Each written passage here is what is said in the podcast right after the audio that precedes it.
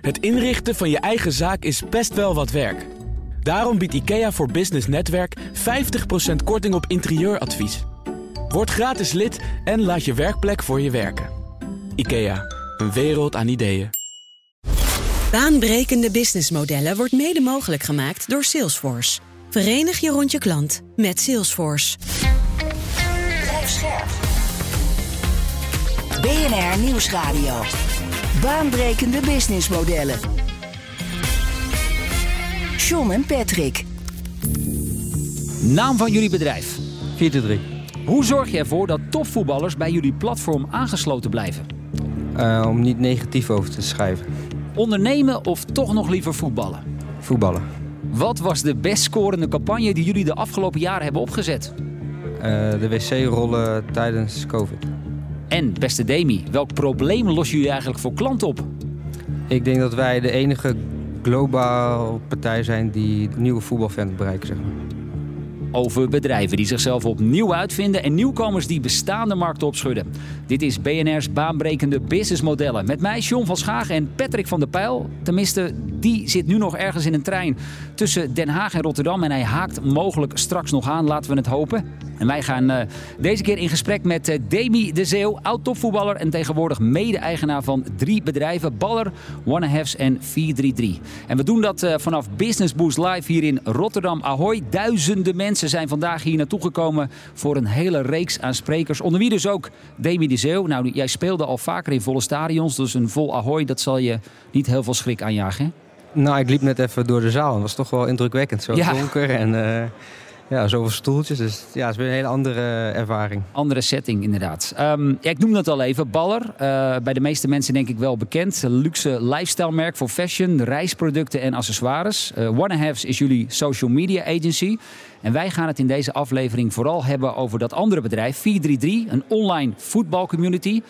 Even voor de mensen die de app niet hebben en ook niet zijn aangesloten op het Instagram-account. Wat doen jullie? Uh, wij posten eigenlijk de hele dag door uh, content van topclubs, topspelers op een uh, manier die eigenlijk heel erg gericht is op visuals, graphics.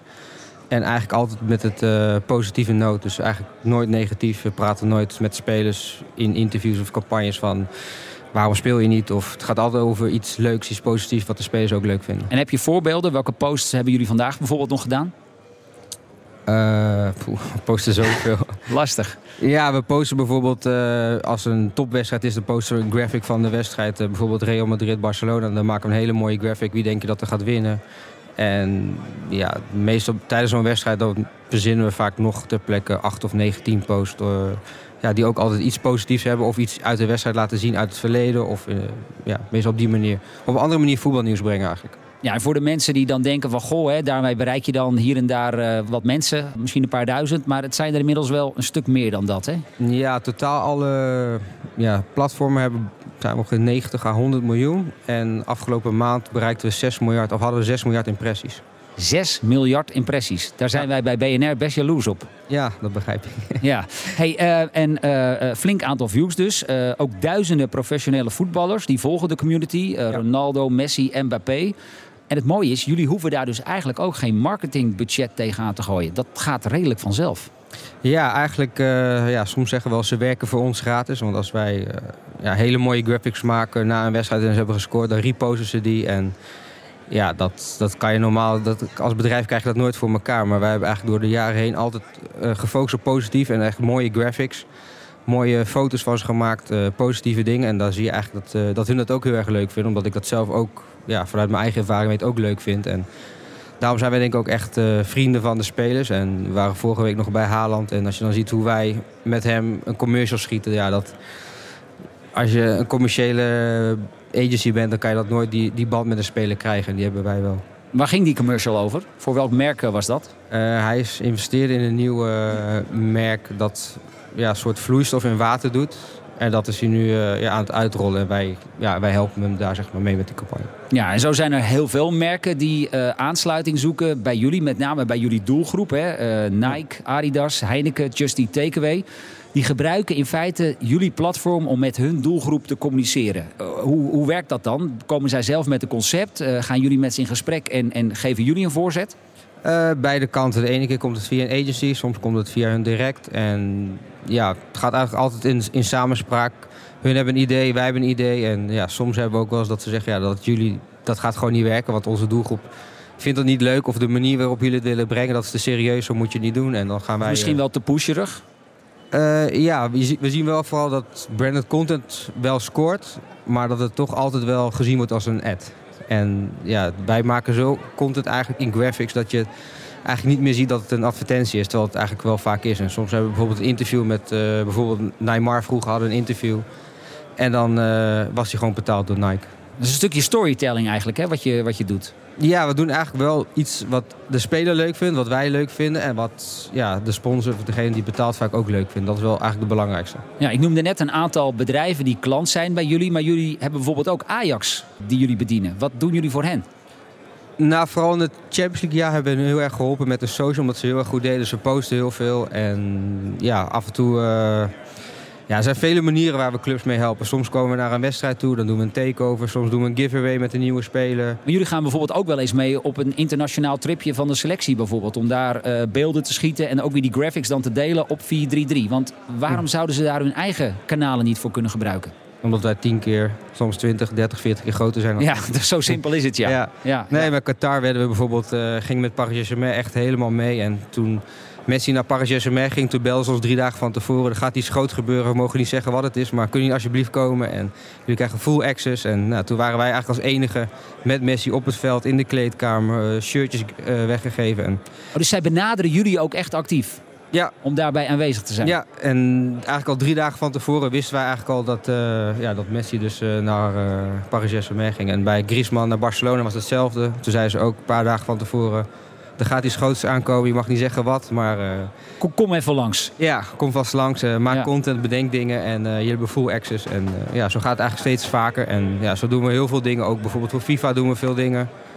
En, eh, Wat ja. zijn dan feitelijk jullie revenue stromen? Eh, want we hoorden net, merken betalen jullie. Soms komen die ook van clubs. Je noemt FIFA. Hoe verdienen jullie nog meer geld? Eh, ja, nu is het vooral branded content, omdat wij eigenlijk ja, nooit echt hebben gefocust op echt geld verdienen. Dus echt super hard monetizen van die doelgroep. Omdat je gewoon ziet, als je te commercieel gaat, dan, ja, dan verlies je gewoon heel veel volgers. Maar je hebt wel enorme hoeveelheden data natuurlijk over die volgers. Ja, het is wel data van hun. We zijn vorige week toevallig voor het eerst uitgenodigd door, eh, door Meta in Hamburg om eh, ja, onze. We gingen ons account zeg maar reviewen, kijken hoe het ging. Hoeveel mensen bereiken. We zijn echt een. eh, ja, ze willen het niet zeggen, maar ik denk de, de nummer één qua account, qua traffic, engagement en likes, kliks en alles. Ja, Meta, moederbedrijf van Facebook. Ja, en ja, we hebben 6 miljard impressies per, per maand. En ja, dat doet bijna niemand. Maar uiteindelijk van die 6 miljoen impressies zijn hun degene die het meest verdienen. Dus wij hebben wel altijd gedacht, we moeten wel naar een eigen platform. En dat zijn we dus gaan, eh, ja, gaan bouwen eigenlijk een jaar geleden. Ja, en dat platform dat is dan met name dus de app hè, die jullie Ja. hebben. Ja. Ja. En ehm, ik, ik vraag je jou net van, goh, hè, je hebt enorm veel data van die volgers, van die gebruikers. Die, die kun, daar kun je profielen van maken. Zie je daarin ook een toekomstige inkomstenstroom? Ja, zeker. Want nu zijn we zeg maar, die volgers naar onze app aan het krijgen. En dan heb je gewoon veel meer data. Want ja, Meta die, die laat een beetje zien, maar natuurlijk niet alles. En op je eigen platform kan je gewoon veel en veel meer. En dat gaan we eigenlijk nu, eh, ja, nu ontdekken. Nu zien we ook al de eerste data, ja, hoe de mensen gebruiken. eh, wat ze gebruiken. En, dat, eh, ja, en hoeveel gebruikers heeft de app inmiddels? Eh, we hadden nu anderhalf miljoen downloads. We zijn, ik denk, eerste week november begonnen, net voor het WK toe begonnen te pushen.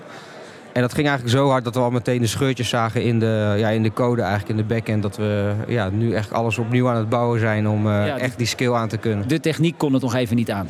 Nee, niet echt. Ja. Hey, want je praat er eigenlijk over hè, miljoenen gebruikers hier, miljarden views daar. Heeft jou dat ook wel enigszins verrast dat het, dat het zo snel is gegaan?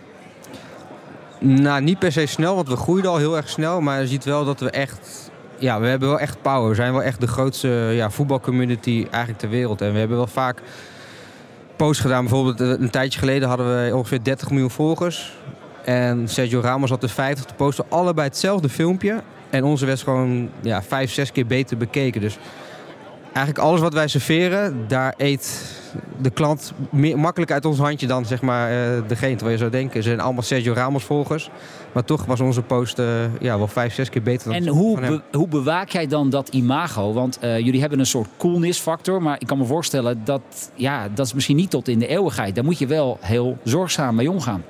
Ja, we zijn heel selectief op wat we posten. We zijn nooit in politiek of racisme of discriminatie. Daar, daar willen we van wegblijven. We willen juist echt het positieve van voetbal laten zien. En we hebben heel groot op onze muur ook positively impacting the world through voetbal. En dat is ook wat we eigenlijk altijd proberen te doen. En we hebben echt een hele jonge doelgroep die echt uh, ja, moeilijk te bereiken is. Maar dat zijn ook jongens die nog niet echt uh, ja, een vaste habit hebben. Zoals uh, ik ga naar AD of Telegraaf. En ja. Wij hebben juist die hele nieuwe doelgroep opgepakt. Maar die worden nu gewoon groot met ons. En die doelgroep is voornamelijk man. 4, 95 procent, hè? begrijp ik. Uh, nee. Toevallig nee? zagen we de cijfers van meten. En bleek dat toch uh, wel 13, 14 procent vrouw was. Oké, okay, want wat mij wel opvalt is dat je heel weinig content over vrouwenvoetbal ziet. Ja, we posten op zich wel veel. We zijn een half jaar geleden met een vrouwenkanaal gestart ook. Die heeft nu ongeveer 300.000 volgers. En dat gaat op zich wel goed, maar... Ja, als dat je zijn zoveel... nog lang niet de aantallen... Nee, maar dat moet ook groeien denk ik. Ik denk dat er wel steeds meer aandacht is. Mijn dochter die speelt zelf voetbal. Dus ik ben zelf ook veel meer aan het pushen van... jongens, oké, okay, meer vrouwenvoetbal laten zien. En uh, ja, dat gaat op zich wel de goede kant op. En als je ziet hoeveel volgers we hebben... en als je dan nog 10, 12, 13 procent vrouwen hebt, is dat wel, ja, dat zijn nog uh, tientallen miljoenen. Nu las ik in een eerder interview dat jij gaf dat jullie in de toekomst ook formats willen gaan ontwikkelen, documentaires maken. Maak je daarmee langzaam maar zeker de shift naar een soort productiehuis?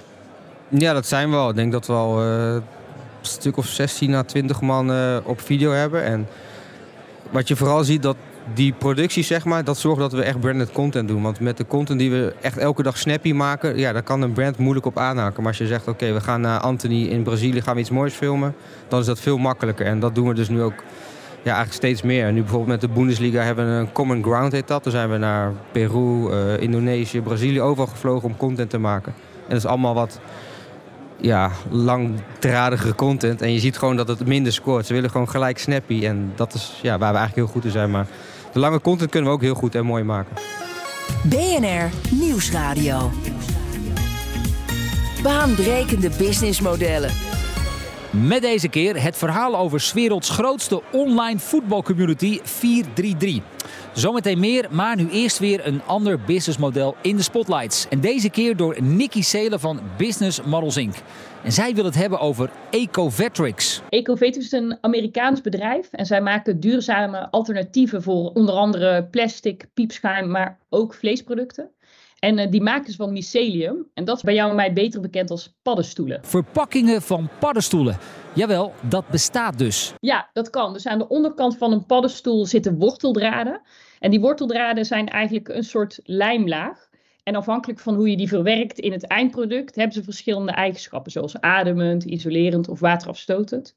Maar eigenlijk allergrootste voordeel van het product is dat het natuurlijk is en daarmee dus ook biologisch afbreekbaar. Het is met andere woorden dus een stuk duurzamer dan plastic, om maar eens wat te noemen. In Nederland zijn er ook al wat partijen die pionieren met mycelium. Maar de vraag is nu natuurlijk, hoeveel impact kunnen ze hiermee maken? hebben ze inmiddels al een beetje schaal. Wat ze bij Ecovative gedaan hebben is vertical farms, dus verticale boerderijen, waar ze enorme groeikamers hebben om die paddenstoelen uh, te laten groeien. En eigenlijk al na een paar dagen zijn die worteldraden geschikt om, uh, om in productie te nemen. En daarmee kunnen zij dus eigenlijk uh, grote schaal uh, bereiken. Ecovetrix richt zich nu nog op de wat kleinere partijen die deze stap al durven te maken. Actief in verschillende industrieën. Denk bijvoorbeeld aan voedsel, beauty en mode. Partijen die streven naar hoge kwaliteit eindproducten die minder schadelijk zijn voor het milieu. De natuur heeft allerlei super slimme technologieën uitgevonden die wij kunnen gebruiken in ons dagelijks leven. En ik vind dat Ecovative laat zien uh, dat het mogelijk is om dit op schaal toe te passen. Uh, ons leven mooier te maken en daarmee uh, de planeet wel in stand te houden. Allerbelangrijkste, ze laten ook zien dat je op deze manier echt succesvol een business kunt bouwen. Ja, en Nicky zei het al even in het begin. De paddenstoelenwortels die Ecovetrix produceert worden ook ingezet voor, jawel, vleesproductie. Daarvoor heeft het bedrijf een spin-off opgezet, My Forest Food. Van mushrooms maken ze nu bacon en dat verkopen ze vooralsnog alleen in twee Amerikaanse staten. Maar daar gaan we vast en zeker meer over horen. Nicky Seelen was dat van Business Models Inc.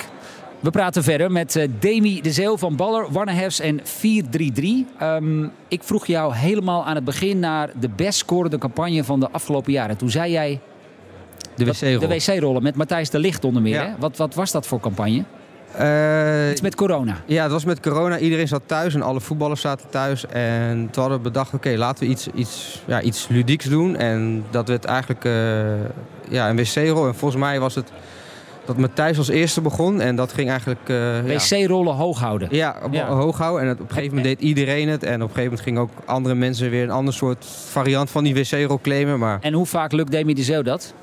Ik heb uh, denk misschien 13, 14 keer lekker. Vind ik toch nog best, uh, ja. best aardig. Ja. Nou, ik vond nog, ja, sommige jongens deden het gewoon al 100 keer en uh, hadden video's van ja. een minuut of twee maar minuten. Zo'n idee hè, van het, het hooghouden van wc-rollen. Ja, het klinkt ja, te kneuterig voor woorden, maar heeft dus wel enorm veel impact. Is dat, bedenk je dat op de wc of bedenk je dat met een biertje erbij? Hoe ging dat? Ja, ik weet eigenlijk niet meer hoe het kwam. Maar op een gegeven moment was het gewoon... oké, laten we vragen aan Matthijs of hij met een wc-rol wil hoog houden. Omdat toen, ja, dat hamsteren met al die wc-pie was toen heel trending. En ja, dat ging eigenlijk uh, ja, heel snel. En op een gegeven moment de hele wereld was met een wc-rol aan het hoog houden. En ja, ja dat was wel uh, leuk. Bedacht in, de, in Amsterdam dus op ja. kantoor. Een ander, uh, andere campagne die jullie gevoerd hebben is met uh, Antoine Griezmann, uh, ja. speler van Atletico Madrid inmiddels. Ja. Ehm, daar zag je ook een soort drie-eenheid van de verschillende bedrijven die jullie hebben. Hoe, wat kun je daarover zeggen? Ja, we hadden eigenlijk bij ballen hadden we een, ja, wat problemen met Adidas. En uh, Jules Mannes, onze CEO, vloog naar Adidas om met, ja, met de juristen te praten. Maar dat, die afspraak was om drie uur s middags. En hadden altijd een goed contact met Puma. Dus toen zeiden we, oké, laat ik in de ochtend even langs Puma gaan... om te kijken of we iets, ja, nog een deal kunnen maken met hen. En dat vonden ze leuk, dus ze zeiden, oké, laten we met ballen iets doen. Toen zei Jules van, ja, als je ons één goede grote speler geeft... dan hoeven we geen geld, maar dan zetten we gewoon ballen op de kaart... en dan kunnen we op 4 3 het posten. En Warnef doet de productie. En ze hadden eigenlijk een, uh, ja, een... Uh, ja, een, een drie-eenheid. Ja, een drie-eenheid gecreëerd door Ballen had dan echt de collab. Warners maakte de productie en 4-3 was gewoon de zender van... Uh, dat ja, noemen we in voetbaltermen geloof ik een driehoekje? Ja, een driehoekje van de campagne. En uiteindelijk was dat ook de best performing post ever van, van Puma. En ja, dat was volgens mij En dat vonden ze bij Adidas... Ja, ook, want we werken nu heel veel met Adidas. Okay. Ook, dus, uh, maar toen de tijd, ja, met die schoenen was echt een ballenconflictje. En ja. dat hebben we gelukkig goed opgelost. En uh, ja, we werken nog steeds heel veel met ja. Adidas. Hey, en zo zijn er heel veel voorbeelden van uh, geslaagde influencer marketing. Um, als je zo'n video of een post maakt, hè, je noemde net al een aantal keren het moet positief zijn. Maar waar moet je nog meer op letten? Wat zijn de voorwaarden van succesvolle influencer marketing uitingen? dat het vooral echt is dat het past bij je. En ik denk dat dat wel, dat, dat zie je vaak dat het niet klopt. Dat is een week voor een speler uh, iets moet promoten wat helemaal niet bij hem past of bij zijn lifestyle. Ja, dan scoort het ook vaak niet. Zeg je dan ook vaak nee tegen merken? Um, ja, soms wel, maar uiteindelijk met alles is wel op een of andere manier een voetbalhaakje te bedenken. Als je een bal uh, in beeld brengt, kan altijd wel iets een voetballer of je doet een oud voetballer ja, er is altijd wel iets met voetbal te bedenken dat, uh, dat het wel dat haakje heeft. Ja, en als je dan hebt over influencer marketing, dan praat je ook over uh, engagement, succes. Ik las ergens op een website, ik geloof dat het die van jullie was, dat, die is bij ons 16 procent. Ja. Dat is dan hoog. Wat, wat zegt dat percentage eigenlijk?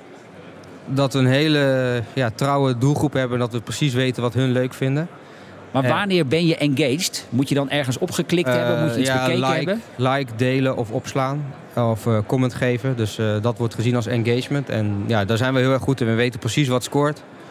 En, ja, maar, maar zit er dan ook wel eens echt een, een, call to action bij? Dat je bijvoorbeeld ergens op een bestelknop kunt klikken? Of doen nee, jullie daar niet aan? Heel soms hebben we echt, uh, ja, het is heel simpel, maar het is alleen maar tag a friend of which friend. En dan zie je iedereen als iemand een bal, weet ik veel, 10 meter om uh, naschopt, dan, dan zeg je alleen tag a friend. En dan weet iedereen eigenlijk al genoeg. Of het eerste wat je ziet bij een rode kaart. Nou, dan zie je altijd hun vrienden taggen. En dat is vaak al genoeg om, uh, ja. Om die engagement echt omhoog te krijgen. Ja, zo simpel is het dus blijkbaar. Waar zie jij het bij influencer marketing in de brede zin van het woord uh, vaak misgaan? Ja, ik denk toch hetzelfde dat, het niet, dat ze niet zichzelf zijn. Of niet iets doen wat ze echt leuk vinden. Als ik naar mezelf kijk, is echt baller, is echt kleding. Dat vind ik leuk. 4-3 is echt voetbal. En content en social media, dat is one-apps. En die dringen passen echt bij mij. Maar als je dingen gaat doen, bijvoorbeeld... Uh, ja, mensen vragen mij, waarom doe je niks in vastgoed? Maar daar heb ik gewoon niks mee. Nee, het moet echt wel bij je ja, passen. Het moet bij vooral bij je persoonlijkheid passen. Wat vind je zelf leuk en hoe zit dat, uh, ja, hoe, hoe zit dat ook in je dagelijks leven? Ja, en nu noemde jij al een aantal keren op uh, dat je altijd uh, positief moet uh, communiceren. Kijk eens even, we hebben inmiddels gezelschap van Patrick van der Pijl. Hoe was je reis hier naartoe? Ja, tien uur vertraging uit een Europees land. Ja. Dat is al verrassend. je komt net uit Estland gevlogen, ja, hè? Ja. Nou, ik zou zeggen, haak aan. We zijn bijna klaar. Dankjewel, Demi, voor dit gesprek in ieder geval. ik dacht al, we eens even schakelen. Ja. Dat heb ik wel knap vind aan het platform. Kijk, um, vaak komen start-ups tegen en die zeggen van over een uitgever en die zeggen ja, dit gaan we even regelen en weet je hoe groot die doelgroep is in het voetbal. En dan denk ik ja, maar dan moet je nog wel even zien te regelen. En dan moet je daar ook nog een verdienmodel aan uh, kunnen koppelen. Dus dat is wel echt heel erg uh, knap. Um, en daarbij is natuurlijk ook omvang uh, wel van uitermate belang. Hoe zijn jullie dat destijds gestart? Want je begint zo'n Instagram-account. Op nul. Ja, op nul inderdaad. En ja. ja, ik zou ook wel willen dat Ronaldo en Mbappé en Messi zich bij mij aansluiten. Maar Nee, ja, het begin eigenlijk zoals we nu ook nog steeds doen. Gewoon goede content maken, weten wat je doelgroep wil. En vooral uh, ja, focus op de grote clubs en de sterren. Ik denk dat dat ook wel een verschil is met anderen. We krijgen ook veel vragen van ja, waarom post je niks over Ajax of Feyenoord. Maar voor die grote global doelgroep gaat het om Barcelona, Real Madrid, Manchester United en Ronaldo, Messi, Mbappé, Haaland. Ja. Heel simpel, die zijn eigenlijk degene die alles bepalen. Ja, en helpt het daarbij ook dat je zelf uh, ja, oud voetballer bent? Ja, ik denk het wel. Want ik weet zelf ook wat ik wel niet leuk vind. En uh, dat is denk ik misschien ook wel een, een succesfactor. Dat ik altijd zeg van jongens, je moet positief zijn. Als we met een voetballer gaan schieten, zeg, dan moet je niet uh, drie kwartier hem laten wachten of dat soort dingen. Ik zeg, hij komt zo en zo te laat. Dus dat, dat weet je nu al. En focus je gewoon op dagen van hij is heel korte tijd en hij vindt het niet leuk. Dus als je daar mee begint, dan weet je al, oké, dan kan het alleen maar meevallen. En ja, zo gaat het eigenlijk altijd, uh, dat ik altijd wel probeer uit mijn eigen ervaring, uh, ja, of de productie of de creatieve mensen te helpen van, denk hier eens aan. Of dit ken ik uit mijn eigen verleden, van dit is wel leuk om te doen of dit is grappig. Maar ik kan me voorstellen, Demi, dat je bij die voetballers ook gewoon ongelooflijk veel anderen aan hun deur kloppen. Hè? Dus dan is het wel van, hé, hey, wat, wat zit erin voor hen? Um, gaat het uiteindelijk ook een kans van slagen zijn? Dit is ook een risico voor hun reputatie. Hoe werd daar in het begin dan naar gekeken? Ja, wij groeiden eigenlijk veel sneller als de spelers, behalve uh, dan misschien de paar toppers. Maar uiteindelijk zijn wij groter dan eigenlijk al die spelers. En daardoor willen ze eigenlijk altijd met ons werken. En we hebben vaak zelfs agenten die ons opbellen van... Uh, wil je iets met deze speler doen? Vandaag nog kreeg een aanvraag voor de linksback van Atletico Madrid. Wil je iets met mijn speler doen? Want hij moet in de picture. Of uh, ja, meestal krijgen hun ook weer goede... Ja goede deals met uh, andere merken. is in hemelsnaam de linksback van Atletico? Uh, Rimaldo. Sorry, ken ik niet. en, en wie toen uh, jullie waren begonnen, had je van tevoren duidelijk een, een verdienmodel voor ogen en is misschien nee. gesneuveld? Of, uh, nee, we hadden echt is... helemaal geen verdienmodel. Ik zei gewoon, ik wil de allergrootste ter wereld worden. En dat financierden we eigenlijk altijd met Baller. En ja, dat zijn we nu geworden. En nu zijn het wel echt van, oké, we zijn nu wel echt serieus dat we ja, moeten gaan monetizen. En daardoor zijn we eigenlijk, denk een jaar, anderhalf jaar geleden, hebben we toen een start-up uit uh, Amstelveen opgenomen. Die zijn de hele, ja, de hele app gaan bouwen. En ja, die zijn we nu eigenlijk aan het doorontwikkelen. En dus- daarmee maak je dus inderdaad ook de shift naar een echt productiehuis. En ik neem aan, uh, nou jouw kennende, moet dat ook het grootste voetbalproductiehuis ter wereld worden? Het grootste voetbalclub ter wereld willen. We hebben nu volgens mij, uh, is Bayern München geloof ik, met 200.000 betalende abonnees de grootste. Maar die gaan we wel verslaan. Als je het hebt over zo'n uh, start-up die je uh, hebt overgenomen, die mensen die uiteindelijk die app kunnen bouwen, onderhouden. Waar heb je het dan over in, in aantallen? Want soms merk ik dat bedrijven daar echt wel in vergissen. Dat ze denken, oh, dat doen we er even bij. Of ik koop het eventjes in. Of... Nee, toen wij een overname, waar kwamen er ineens 70 man bij. Uh, we hebben nu wel van een hoop afscheid weer genomen. Dat we nu dichter bij huis. We bouwden in Pakistan. En we zijn nu zeg maar weer echt in Nederland aan het bouwen. En ja, dat zijn wel duurdere jongens, maar daardoor hebben we minder, uh, minder personeel nodig. En de code wordt gewoon veel beter. Ja, je dat... zag uiteindelijk op, op termijn dat zo'n oplossing aanvankelijk misschien in Pakistan interessant is, maar ja, maar op de, lange termijn zie je gewoon, ja, vooral dat de code gewoon... Bij het WK hadden we zoveel gebruikers eigenlijk uit het niets. En toen bleek dat die code toch wat scheurtjes ging vertonen. Dus toen zijn we echt aan ja, de code gaan reviewen. Zijn we met Nederlanders gaan bouwen. En uh, ja, nu gaat het eigenlijk heel goed. We hebben heel de backend bijna klaar. En ja, dan kunnen we echt opschalen in iedere taal. Uh, ja, dan gaat het echt heel hard. Want we zijn heel veel, al heel lang bezig met ook verschillende AI-dingen om ja, eigenlijk nieuws automatisch te maken met foto, met tekst, met labels. En daar zijn we eigenlijk al heel erg ver in. En ja, dat is wel echt een hele nieuwe ontwikkeling, waardoor we gewoon veel minder personeel nodig hebben. Ja, want ik heb de app inmiddels ook op mijn telefoon. Uh, als we nu even een sprongetje maken, twee jaar de tijd in. Uh, hoe ziet die app er dan uit? Hoe ga jij mij entertainen? Omdat ik precies weet wat, wat jij wil. Ja, maar wat, wat ga ik dan zien? Wat, wat kan ik Foto's, beleven? video, wallpapers. Ik kan, eh, als jij zondag moet voetballen met je zoon, dan kan ik jou de weg laten wijzen. Eigenlijk wat ik wil bouwen is eigenlijk een super app à la WeChat.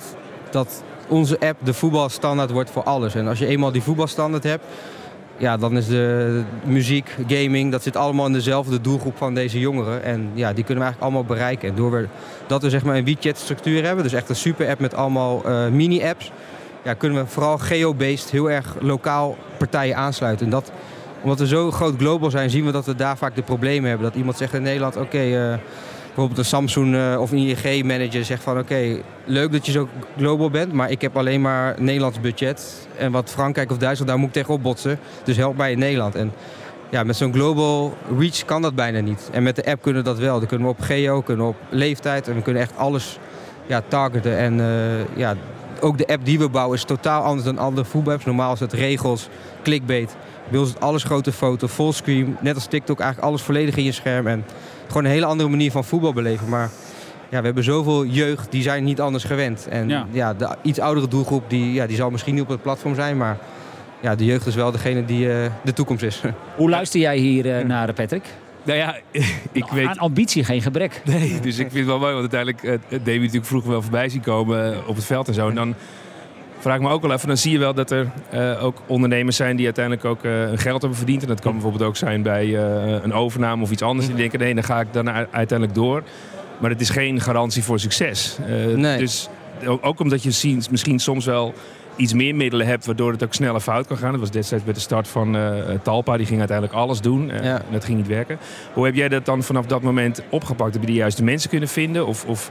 Ja, de juiste mensen en goede partners. En heel erg bij de core blijven. Want we hebben heel veel volgers en ja, als ik wil kan ik morgen heel veel geld verdienen. Dan ga ik alleen maar betting, crypto toelaten en dan gaat het heel erg, heel erg hard. Maar dan verlies je die community en dat is wat eigenlijk het sterkste is van alles. En dat zie je ook dat die community, zoals wij zeggen, jongens download die app.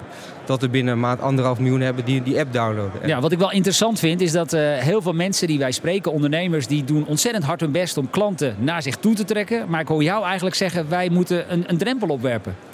Ja, want als je gaat focussen op geld verdienen, dan ga je hele andere keuzes maken. En ik wil gewoon de allerbeste, grootste voetbalapp ter wereld bouwen. En dat, die legacy is belangrijker dan, dan geld. Want uiteindelijk als je dat bouwt, dan komt het geld toch wel vanzelf. En als je dan gaat kijken naar die base verder door te bouwen. Hè, dat, uh, uh, wat voor mijlpalen zie je dan? Weet je wat er op, de op het pad gaat komen? Omdat je zegt van oké, okay, dit is voor ons dan de volgende stap. En... Ja, we werken nu heel goed samen met uh, jongens die uh, bijvoorbeeld de standaard maken in internet. Van oké, okay, dadelijk nu heb je iOS, uh, Apple. En dadelijk is gewoon één standaard wordt nu gebouwd.